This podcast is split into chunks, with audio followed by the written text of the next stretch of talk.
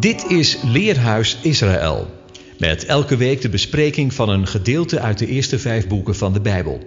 De presentator van deze week is Anko van Molenbroek.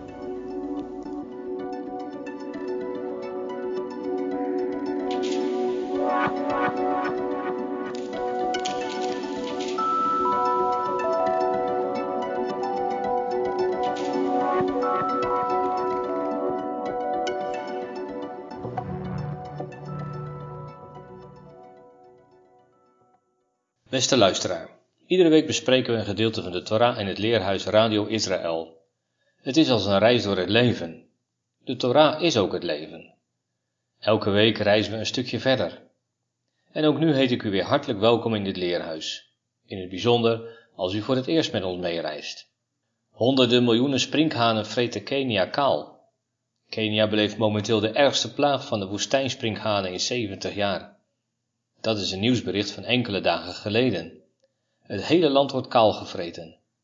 En als in maart de regens komen en het groen weer tevoorschijn komt, dan kunnen de zwermen nog 500 keer groter worden. Een zwerm ter grootte van de provincie Utrecht verplaatst zich met een snelheid van 100 km per dag.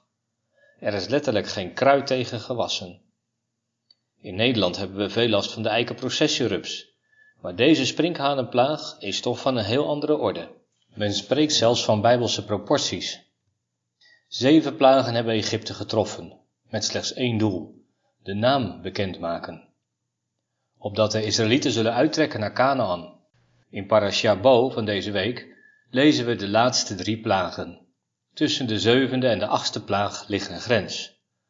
Aan het einde van Exodus 9 vers 34 lezen we, toen de farao zag dat de regen, de hagel en de donder opgehouden was, ging hij door met zondigen en maakte hij zijn hart onvermurfbaar, hij en zijn dienaren. Onvermurfbaar, verharden. Daar vinden we het woord kavat. Het wil letterlijk zeggen zwaar, rijk. We herkennen het woord kabot, eer. Dezelfde letters, maar andere klanken. Klank is lucht, geest. Dezelfde letters, maar een andere geest. Farao maakte zijn hart zwaar. Hij wilde de eer aan zichzelf houden. En dan komt er een moment dat de eeuwige zegt, dan moet je het ook zelf weten. Nu is het de eeuwige die de farao aan de verharding overgeeft. We lezen het in Exodus 10 vers 1. Daarna zei de ene tegen Mozes, ga naar de farao toe, want ik heb zijn hart en het hart van zijn dienaren onvermurfbaar gemaakt. In de Haftra-lezing, Jeremia 46 vers 17 staat, de farao, de koning van Egypte, is een groot spreker. Hij heeft het juiste moment voorbij laten gaan. Het juiste moment, dat is de vastgestelde tijd, moed. En voorbij laten gaan, dat is het werkwoord avar. Daar komt ook het woord Hebreeër vandaan. Dat is iemand die van de andere kant komt. Farao had de vastgestelde tijd laten passeren.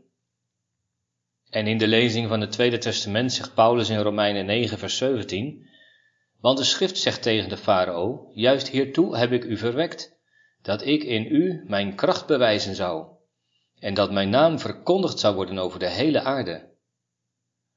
Dus hij ontfermt zich over wie hij wil en verhardt wie hij wil. In Romeinen 9, vers 22, daar staat: En is het niet zo dat God, omdat hij zijn toren wilde bewijzen, en zijn macht bekendmaken met veel geduld, en daar moeten we even een streepje onder zetten, de voorwerpen van zijn toren voor het verderf gereed gemaakt, verdragen heeft, en dat met het doel om de rijkdom van zijn heerlijkheid bekend te maken over de voorwerpen van zijn ontferming, die hij van tevoren bereid heeft tot heerlijkheid. Als God roept, en dat doet hij, dan roept hij met een doel, met een opdracht, een bestemming. En ja, daar kunnen we ons doof voor houden. Dan geven we geen gehoor. De voorwerpen van zijn ontferming heeft hij ook geroepen, namelijk ons, zegt Paulus, niet alleen uit de Joden, maar ook uit de heidenen. Psalm 95 zegt dat zo treffend. Heden, als u zijn stem hoort, verhard u niet, maar laat u leiden. Het woord verharden, kasha, vinden we ook in Exodus 7, vers 3. Ik zal Farao's hart verharden, dat wijst op weerspannigheid, koppigheid. Dan ben je hardleers, hardnekkig. Dat zijn wel heel veel synoniemen, is het niet? Je zou toch denken, waarom was de farao er zo op gebrand dat de Israëlieten bleven? Hij vond het volk immers veel te veel uitdijen, doodde daarom de mannelijke krachten, maar wilde desondanks hen niet laten trekken. En daar zit iets dubbels in. We hebben vorige week al gehoord dat de plagen over Egypte een geestelijke strijd zijn tegen de godheden van Egypte. Het gaat echter om de naam. Farao wil de naam niet erkennen, maar is erop uit om zijn eigen naam te vestigen. Hij is de vertegenwoordiger van de engelvorst van Egypte. Egypte is de dubbelheid, het leed van de dubbelheid. De ziel is de een, het lichaam is de twee. Als de twee over de een heerst, dan betekent dat slavernij. De ziel kan niet zonder het lichaam en het lichaam niet zonder de ziel. We hebben ook in een eerder leerhuis gezien dat Jacob de geestelijke mens vertegenwoordigt.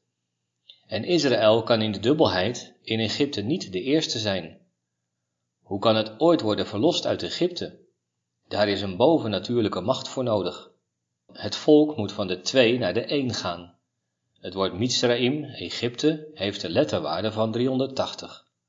Het woord Canaan heeft de waarde 190. En de snelle rekenaar heeft het al opgemerkt, 380 is 2 keer 190. Egypte is de 2, Canaan de 1. Naar Canaan, het land van de ene, van de rust. En de tocht er naartoe is een woestijnreis. Maar dan loop ik op die reis vooruit. Nu snap je wellicht ook dat de farao het volk niet wilde laten gaan. Dat zou zijn eer daarna zijn. Dit was de farao die Jozef niet gekend had. Hij had geen weet van de man die de eenheid in de wereld van de tweeheid, van de tegenstellingen had gebracht. Zo is het ook in een mensenleven. Als onze oude mens op de troon zit, dan wordt de geestelijke mens onderdrukt, gedood. Ja, dan zijn we dood in zonden en misdaden, zegt de Efezebrief. Het moet in ons leven worden omgedraaid. En dat heet bekering. En daartoe worden we opgeroepen. En daarom heb ik als thema voor dit leerhuis kiezen. Heden, als u zijn stem verhoort, verhard u niet, maar laat u leiden.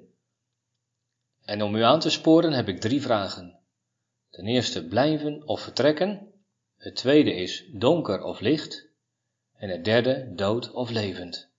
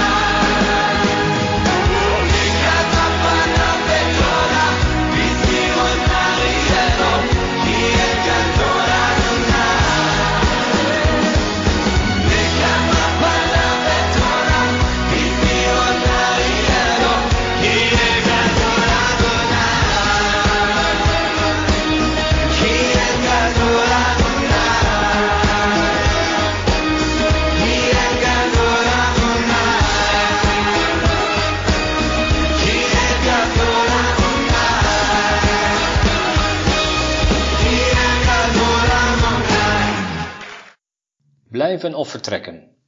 We gaan lezen Exodus 10, vers 1 tot 11.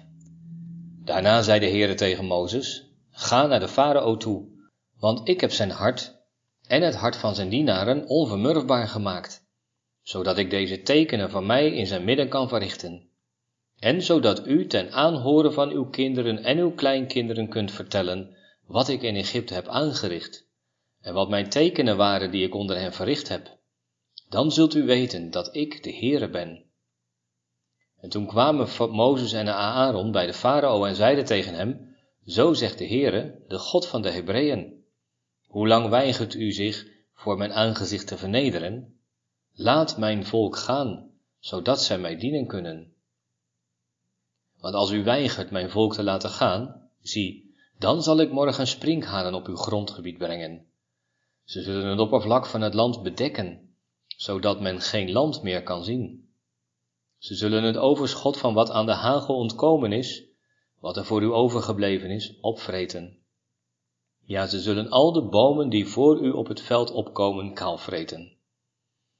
En uw huizen, de huizen van al uw dienaren en de huizen van alle Egyptenaren zullen er vol mee worden, zoals uw vaders en uw voorvaders het niet gezien hebben, vanaf de dag dat zij op de aardbodem waren tot op deze dag.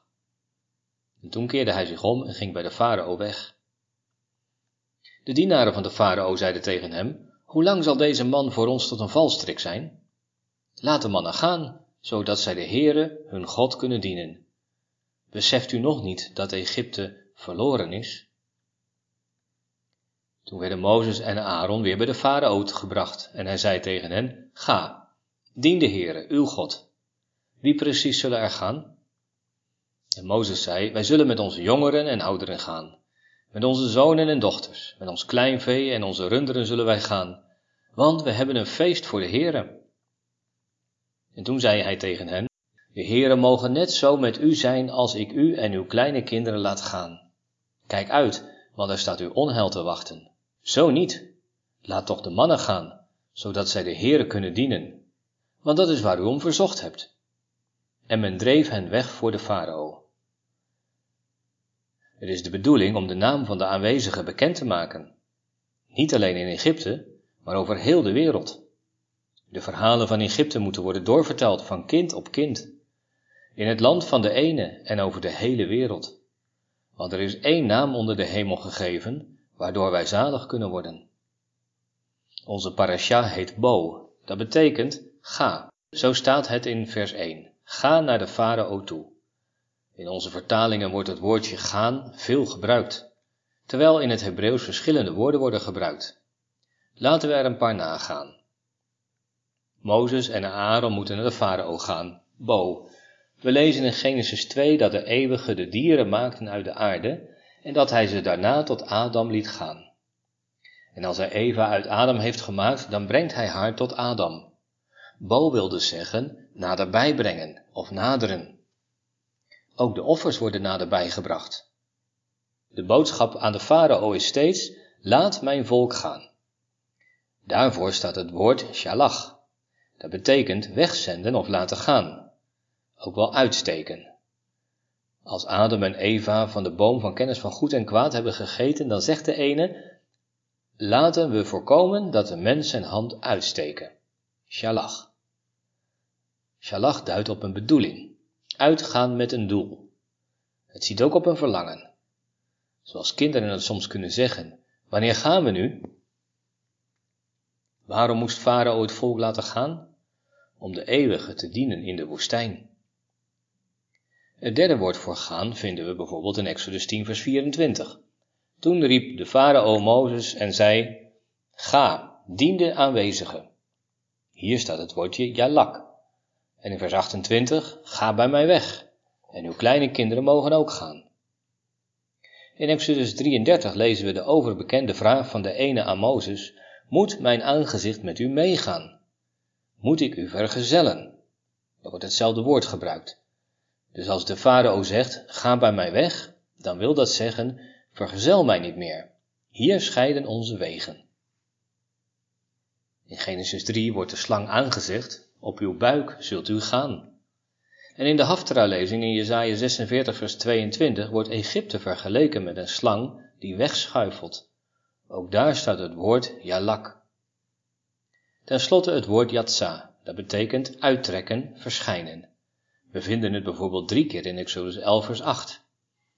Dan zullen al deze dienaren van u naar mij toekomen, zich voor mij buigen en zeggen, vertrek, u en al het volk in uw voetspoor, en daarna zal ik vertrekken. En toen ging, toen vertrok hij bij de farao weg in brandende toren. Mozes en Aaron naderen tot de farao. Opnieuw klinkt het, zo zegt de God van de Hebreeën. Dat is om duidelijk te maken dat het niet om de goden van Egypte gaat. Nee, het is de God van het volk dat van de overkant komt. Laat mijn volk gaan, opdat het mij kan dienen. Het is de zevende keer dat deze oproep klinkt. Het is ook de laatste keer. Het is als de laatste bazuin. En als u weigert, dan zal ik morgen sprinkhanen op uw grondgebied brengen, binnen uw grenzen, dat wat in uw bezit is. En niet zomaar wat beestjes, nee, ze zullen al het groen opvreten. Alle voorgaande sprinkhanen die er in Egypte zijn geweest, vallen bij deze laatste in het niet. De keuze is aan de farao. Zelfs de adviseurs van de farao zijn er klaar mee. Ziet u niet dat Egypte verloren is? Laat de mannen gaan. Nee, niet het volk, maar alleen de mannen, de Enosh, de stervelingen. Dat lijkt Farao wel een mooi compromis. Wie en wie zullen er gaan, vraagt hij. Nou, zegt Mozes, iedereen gaat mee. Het is een feest voor jong en oud. Zelfs onze dieren nemen we mee. Nee, zegt de farao, de aanwezigen mogen net zo met u zijn als ik u en uw kleine kinderen laat gaan. Kijk uit, want er staat u onheil te wachten. De strekking hiervan is dit. Ik hoop dat de eeuwige voor jullie zorgt in de woestijn. Weet je wel wat er te wachten staat? Je gaat je ongeluk tegemoet. Ik laat de mannen gaan. Nou staat er het woordje kever, de machtigen of de weerbaren, degenen die het kunnen overleven. Laat hen de aanwezigen dienen, dat is toch wat jullie wilden? En men dreef Mozes en Aaron weg van voor de farao, net zoals Adam en Eva uit het paradijs werden verdreven en Kain van huis en hart werd verdreven. Nou, dan krijgt u wat gevoel bij dit woord. Luisteraar, de vraag is, blijven we of vertrekken we? Blijven betekent achterblijven in het Egypte dat al verloren is in het land dat kaal gevreten zal worden. Vertrekken wil zeggen met het doel om de eeuwige te dienen. Je zou denken, dat is een makkelijke keuze. Ware het niet dat de farao u niet loslaat? De dienaren zeggen, de Enoshim, de mannen, de sterveling. De mannen gaan dan wel, maar hun hart blijft als het ware achter. Daar waar hun vrouwen en kinderen zijn. Hun hart zal hen weer naar Egypte trekken. Dat is wel herkenbaar, toch? De tegenstander wil best dat we de eeuwige dienen in ons leven, mits we dat niet van harte doen en mits we weer terugkomen. En dan die bezwaren die geopperd worden, weet je wel waar je aan begint. Je weet nu wat je hebt en niet wat je krijgt. Ja, in elk geval moeilijkheden. Zie je, daarom moet het hele volk, alle mannen en vrouwen en kinderen mee. Er mag geen reden meer zijn om terug te gaan. En nog iets, heel het volk is van de ene. Weet je nog, Jacob is de geestelijke mens. De man vertegenwoordigt de een, de ziel. En die kan niet zonder de vrouw, het lichaam. Ziel en lichaam moeten worden verlost. Daarom moet heel Israël in Canaan komen, van de twee naar de een. Wie achterblijft, die wacht de sprinkhanen. De plagen zijn ook een vooruitblik naar de laatste dagen voor de komst van de Messias. Ik lees dan in Openbaringen 9. En de vijfde engel blies op de bazuin, en ik zag een ster uit de hemel op de aarde vallen. En hem werd de sleutel van de put van de afgrond gegeven. En hij opende de put van de afgrond, en er steeg rook op uit de put, als rook van een grote oven. En de zon en de lucht werden verduisterd door de rook van de put. En uit de rook kwamen sprinkhanen op de aarde. En hun werd macht gegeven, zoals schorpioenen van de aarde macht hebben. En tegen hen werd gezegd dat ze geen schade mochten toebrengen aan het gras van de aarde, of welke groene plant of boom ook, maar alleen aan de mensen die het zegel van God niet op hun voorhoofd hadden. En hun werd gegeven niet om hen te doden, maar hen te pijnigen. En in die dagen zullen de mensen de dood zoeken, maar die niet vinden. En ze zullen ernaar verlangen te sterven, maar de dood zal van hen wegvluchten. Luisteraar, wat moet ik hier nog aan toevoegen? Sprinkhanen zijn het beeld van de demonen die uit het dodenrijk worden losgelaten. In de laatste dagen, in onze dagen. De heerlijke en genadige God en Vader roept u om uit te gaan. Laat u toch niet tegenhouden door de argumenten van de farao. Als u dan zijn stem hoort, verhard u toch niet, maar laat u leiden.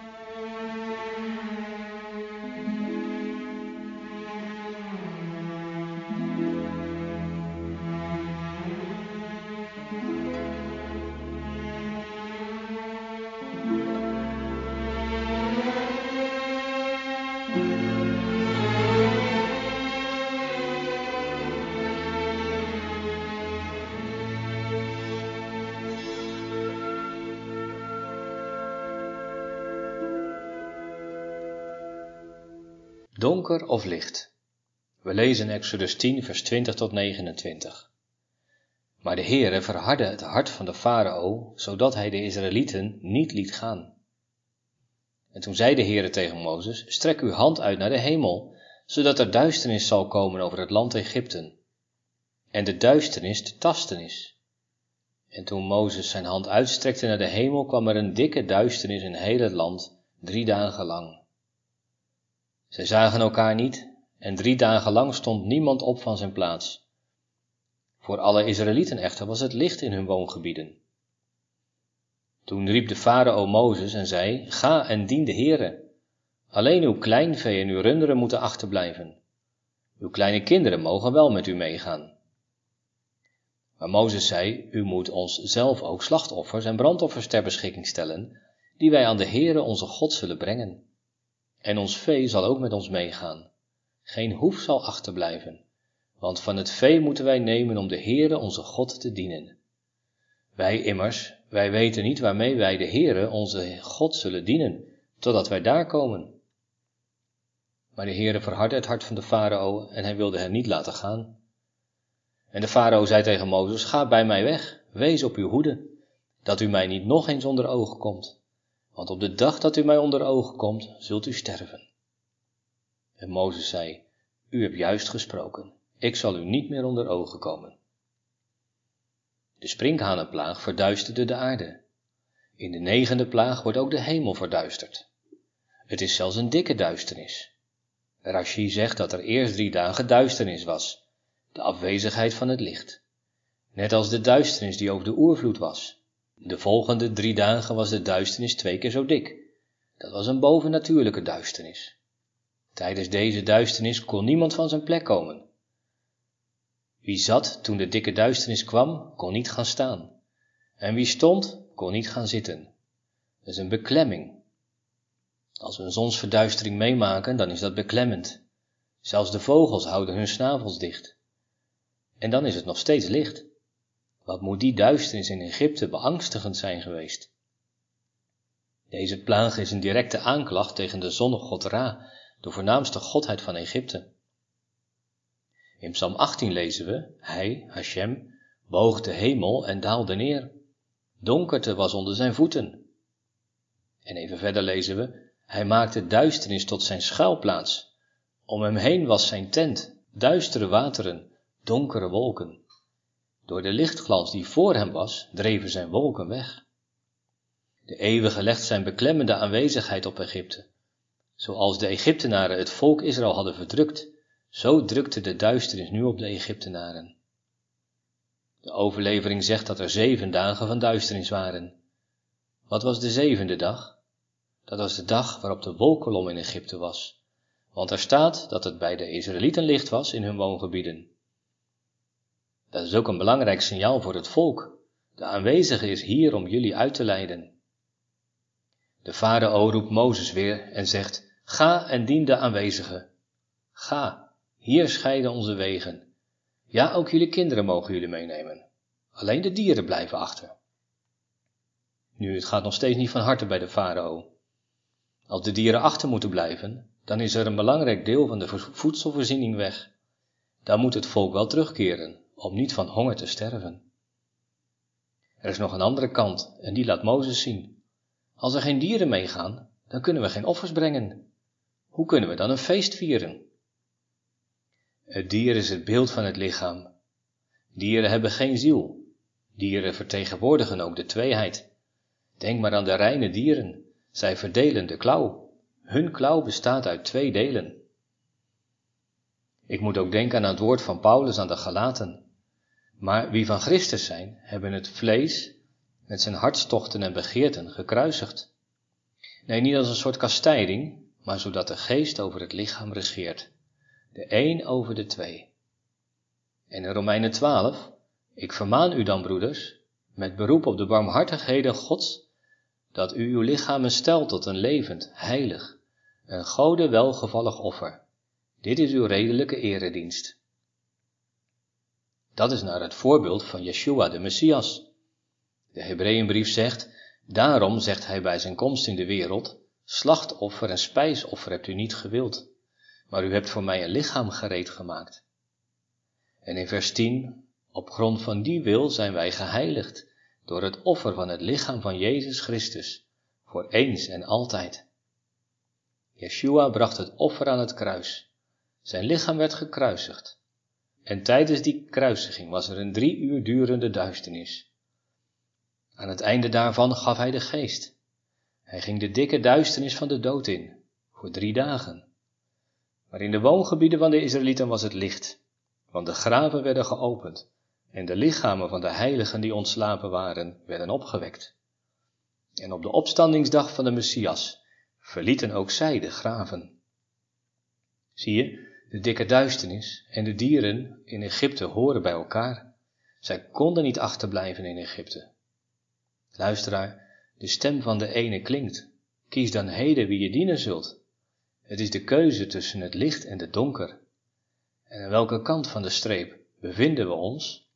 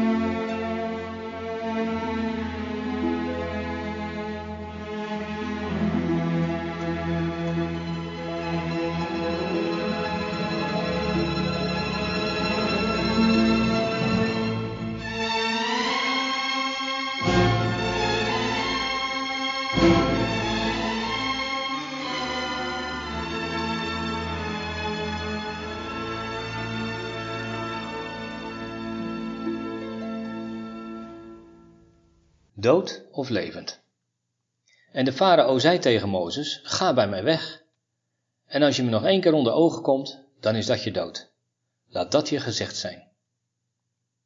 De Heere had tegen Mozes gezegd, nog één plaag zal ik over de farao en Egypte brengen, en daarna zal hij u van hier laten gaan. Als hij u allemaal laat gaan, zal hij u van hier haastig verdrijven. Spreek toch ten aanhoren van het volk en zeg dat iedere man van zijn naaste en iedere vrouw van haar naaste zilveren en gouden voorwerpen moet vragen. En de Heere gaf het volk genade in de ogen van de Egyptenaren. Ook stond de man, Mozes, in het land Egypte in hoog aanzien in de ogen van de dienaren van de farao en in de ogen van het volk. En Mozes zei, zo zegt de Heere, omstreeks middernacht zal ik uittrekken door het midden van Egypte. En alle eerstgeborenen in het land van Egypte zullen sterven van de eerstgeborene van de farao af die op zijn troon zitten zou, tot de eerstgeborene van de slavin die achter de handmolen zit, en alle eerstgeborene van het vee. Er zal een luid geschreeuw zijn in heel Egypte, zoals er nog nooit geweest is en zoals er ook nooit meer zal zijn. Maar bij alle Israëlieten zal er nog geen hond zijn tong roeren tegen mens of dier. Zij zullen, zo zult u weten dat de Heer onderscheid maakt tussen de Egyptenaren en de Israëlieten. En in Exodus 12, vers 29. Het gebeurde te middernacht dat de Heere alle eerstgeborenen in het land Egypte trof. Vanaf de eerstgeborene van de farao die op zijn troon zou zitten, tot aan de eerstgeborene van de gevangene die zich in de gevangenis bevond, en alle eerstgeborenen van het vee. Toen stond farao s'nachts op, hij en al zijn dienaren en alle Egyptenaren, en er was een luid geschreeuw in Egypte want er was geen huis waarin geen dode was. En hij riep Mozes en Aaron in de nacht en zei, sta op, ga weg uit het midden van mijn volk, zowel u als de Israëlieten, en ga weg, dien de Heere, zoals u gesproken hebt. Neem zowel uw kleinvee als uw runderen mee, zoals u gesproken hebt, en ga heen, maar zegen ook mij. En de Egyptenaren drongen sterk aan bij het volk om het snel uit het land te laten gaan, en ze zeiden, wij gaan anders allemaal sterven. Alleen de eerstgeborenen achter het bloed van het Pesachlam waren gevrijwaard van de dood. Dat bloed werd op de deurposten gestreken, de mezuzah, en de bovendorpel. Wie straks door de deur naar buiten gaat, doet dat omgeven door het bloed van het lam. Dat bloed houdt de verderfengel buiten de deur. We lezen diverse keren te middernacht. Waarom is dat? Kon dat niet gewoon overdag? Luisteraar, ook hier stuiten we weer op een patroon in de schrift. Middernacht is de vertaling van de helft van de nacht. Helft is de vertaling van Getzi. Het betekent scheiding of door het midden. In Daniel 9 vers 27 gaat het over het slachten en het graanoffer dat halverwege de week zal ophouden. Op de helft van de week. Exodus 12 vers 29 waar het woord voor het eerst in de Torah voorkomt, spreekt van het midden van de nacht, te middernacht. Dat was het tijdstip waarop de verderfengel door Egypteland ging en alle eerstgeborene doden die niet achter het bloed geborgen waren. De bruidegom in de gelijkenis van de wijze en dwaze meisjes in Matthäus 25, die kwam om middernacht. Hij bracht scheiding tussen hen die wel en hen die geen olie meer hadden. En om middernacht zongen Paulus en Silas in de gevangenis, waarop de aarde beefde en zij vrijgelaten werden. In Zacharia 14 komt het woord zes keer voor, verdeeld over drie gebeurtenissen. In vers 2 gaat het over de scheiding van Jeruzalem. In, in vers 4 gaat het over de scheiding van de olijfberg als de Messias daar zijn voeten zet. En tenslotte in vers 8 het levende water dat zich vanuit Jeruzalem in twee helften verdeelt en stroomt naar de twee zeeën. Als de Messias komt, dan valt de scheiding. Je zou kunnen zeggen, op de helft valt de scheiding tussen leven en dood, tussen ingaan in het koninkrijk of buiten blijven. Lees nog eens mee in Exodus 11, vers 7. Zo zult u weten dat de aanwezige onderscheid maakt tussen de Egyptenaren en de Israëlieten. Op de helft van de tijd, de tijd van de beslissing, van de keuze, gaan de Israëlieten onder het bloed door naar buiten, op weg naar Canaan Achterblijven betekent de dood. Tien meisjes wachten op de bruidegom. Hij komt op de helft van de tijd. En de helft van de meisjes gaat mee, de andere niet. Die zijn te laat. Hij komt als de nacht op de helft is. Hij komt om het leven uit de dood te brengen. En de vraag is, heb je voldoende olie in de kruik? We leven aan het einde van de dagen. We naderen het midden van de nacht. Alle tekenen wijzen daarop. De Messias komt. Luisteraar, mag ik het dan nog één keer zeggen? Ach, wil toch heden horen naar zijn stem.